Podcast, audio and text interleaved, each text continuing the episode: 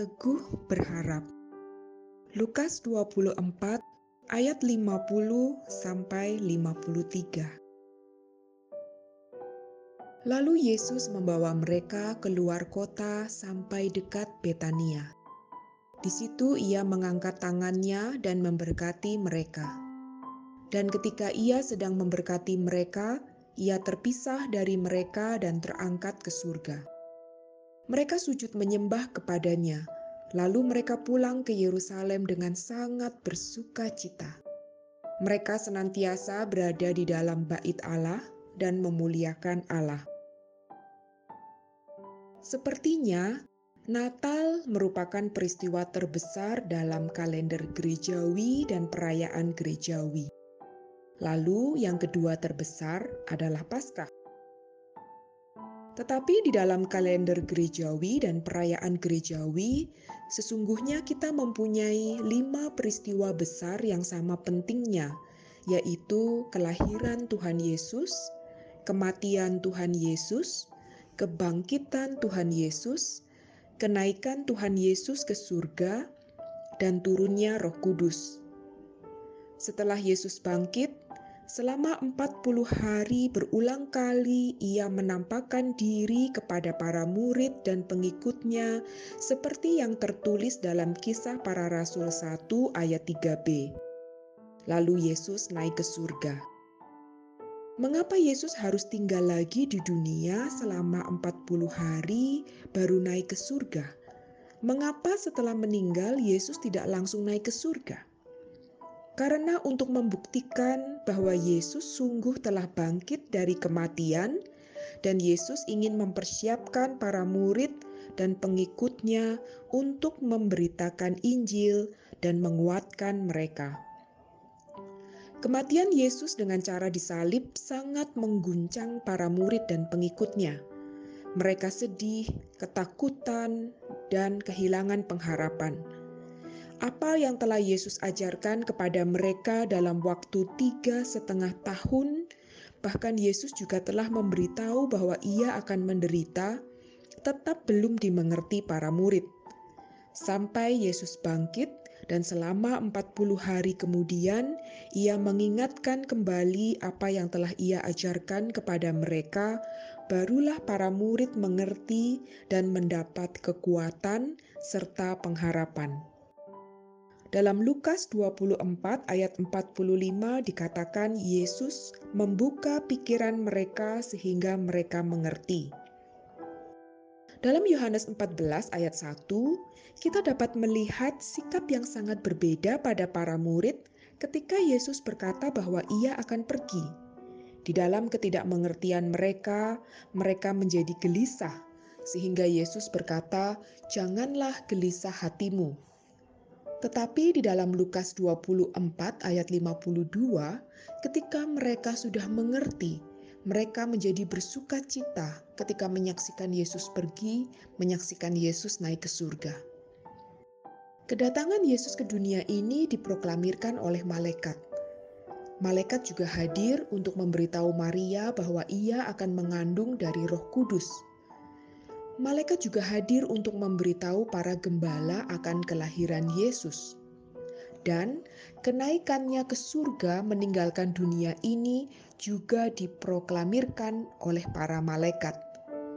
Hal ini menunjukkan bahwa Yesus berasal dari surga dan kembali ke surga, dan Yesus dimuliakan ketika Ia naik ke surga. Dalam Markus 16 ayat 19 dikatakan, setelah Yesus terangkat ke surga, Ia duduk di sebelah kanan Allah. Duduk di sebelah kanan menyatakan kuasa, menyatakan mempunyai otoritas, dan hal ini semakin membukakan kepada kita bagaimana Yesus merendahkan dirinya sedemikian rupa sebagai manusia, terlebih ketika ia dihina, diolok, disiksa, dan disalib. Dan semua ini dengan rela dijalani Yesus karena kasihnya kepada manusia berdosa kepada kita. Kenaikan Yesus ke surga menyatakan bahwa ia sungguh telah bangkit dan hidup dalam tubuh fisiknya. Kenaikan Yesus ke surga menyatakan bahwa Yesus adalah Allah dan bersatu dengan Bapa. Hal ini membuktikan bahwa Yesus adalah Allah yang turun ke dunia menjadi manusia untuk menyelamatkan manusia berdosa, untuk melakukan tugas yang diberikan oleh Bapaknya. Kenaikan Yesus ke surga menyatakan tugasnya di dunia ini telah selesai. Ia telah mengerjakannya dengan tuntas Perjalanan Via Dolorosa di dunia ini telah Yesus jalani dengan taat dan setia. Kenaikan Yesus ke surga menyatakan dirinya sebagai pengantara. Ibrani 9 ayat 15.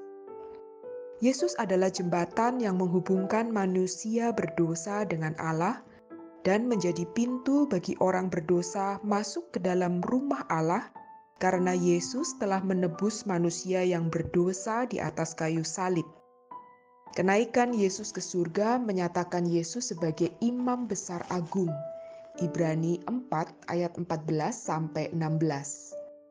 Kenaikan Yesus ke surga adalah untuk menyediakan tempat bagi orang percaya. Yohanes 14 ayat 2. Kenaikan Yesus ke surga adalah untuk datang kembali dan menghakimi dunia ini Yohanes 14 ayat 3. Yesus datang dari surga, kembali ke surga, dan akan datang kembali. Kenaikan Yesus ke surga dan kelak akan datang kembali semakin mengingatkan kita untuk menjalani hidup ini dengan konsep koram deo, in the presence of God. Menjalani hidup ini di hadapan Allah, sehingga kita tidak akan bermain-main dengan hidup kita dan bermain-main dengan Allah. Tuhan Yesus akan datang kembali dan menghakimi dunia memang menakutkan untuk orang yang tidak percaya kepada Tuhan Yesus. Tapi sebagai orang percaya, kedatangan Tuhan Yesus untuk menghakimi seharusnya tidak menakutkan ketika kita hidup di hadapan Allah. Seperti yang tertulis dalam kitab Wahyu 14 ayat 12 sampai 13. Yang penting di sini ialah ketekunan orang-orang kudus yang menuruti perintah Allah dan iman kepada Yesus. Dan aku mendengar suara dari surga berkata, "Tuliskan, berbahagialah orang-orang yang mati dalam Tuhan sejak sekarang ini." Sungguh, kata Roh, supaya mereka boleh beristirahat dari jerih lelah mereka, karena segala perbuatan mereka menyertai mereka. Sebagai orang percaya, jika kita mengerti konsep Tuhan Yesus akan datang kembali dengan tepat, maka kita akan mengerti bagaimana seharusnya kita hidup. Karena apa yang kita lakukan di dalam hidup ini harus dipertanggungjawabkan di dalam penghakiman Tuhan. Ketika Tuhan Yesus datang pertama kali, Ia menjadi manusia untuk menyelamatkan manusia. Ketika Tuhan Yesus akan datang kedua kali, ia adalah Allah yang akan menghakimi manusia. Kenaikan Yesus ke surga untuk menyediakan tempat bagi kita sebagai orang percaya juga semakin mengingatkan kita untuk tidak takut menghadapi kematian, walaupun secara manusia kita sangat takut akan kematian. Sebagai orang Kristen yang telah percaya kepada Tuhan Yesus sebagai satu-satunya Tuhan dan Juru Selamat kita, Kematian seharusnya tidak menakutkan, tetapi suatu sukacita karena Tuhan Yesus telah menyediakan tempat bagi kita. Walaupun ketakutan akan kematian adalah hal yang alamiah dan tidak dapat kita hilangkan begitu saja, tetapi mari menghadapi kematian dengan satu konsep yang telah diubahkan, karena Tuhan Yesus telah menyediakan tempat bagi kita di surga. Ketika Yesus menyediakan tempat bagi kita di surga, hal ini semakin meneguhkan akan hidup kekal yang Ia berikan melalui kematiannya di atas kayu salib. Kelahirannya memberikan sukacita akan janji keselamatan dari Tuhan. Kematiannya memberikan sukacita akan ketaatan dan kesetiaan Yesus pada tugasnya. Kebangkitannya memberikan sukacita akan kemenangan Yesus atas dosa Kenaikannya ke surga memberi sukacita akan kematian orang percaya karena Yesus telah menyediakan tempat untuk kita. Kelahiran, kematian, kebangkitan, dan kenaikan Yesus ke surga membuat kita harus berani dan teguh berharap hanya kepada Tuhan saja di dalam menjalani semua pergumulan dan godaan hidup ini. Semua perjalanan Yesus menjadi manusia, mulai dari kelahiran, kematian, kebangkitan, dan kenaikannya ke surga, adalah dasar pengharapan orang Kristen, dasar pengharapan kita dan kenaikan Tuhan Yesus ke surga memperteguh pengharapan kita sebagai orang Kristen.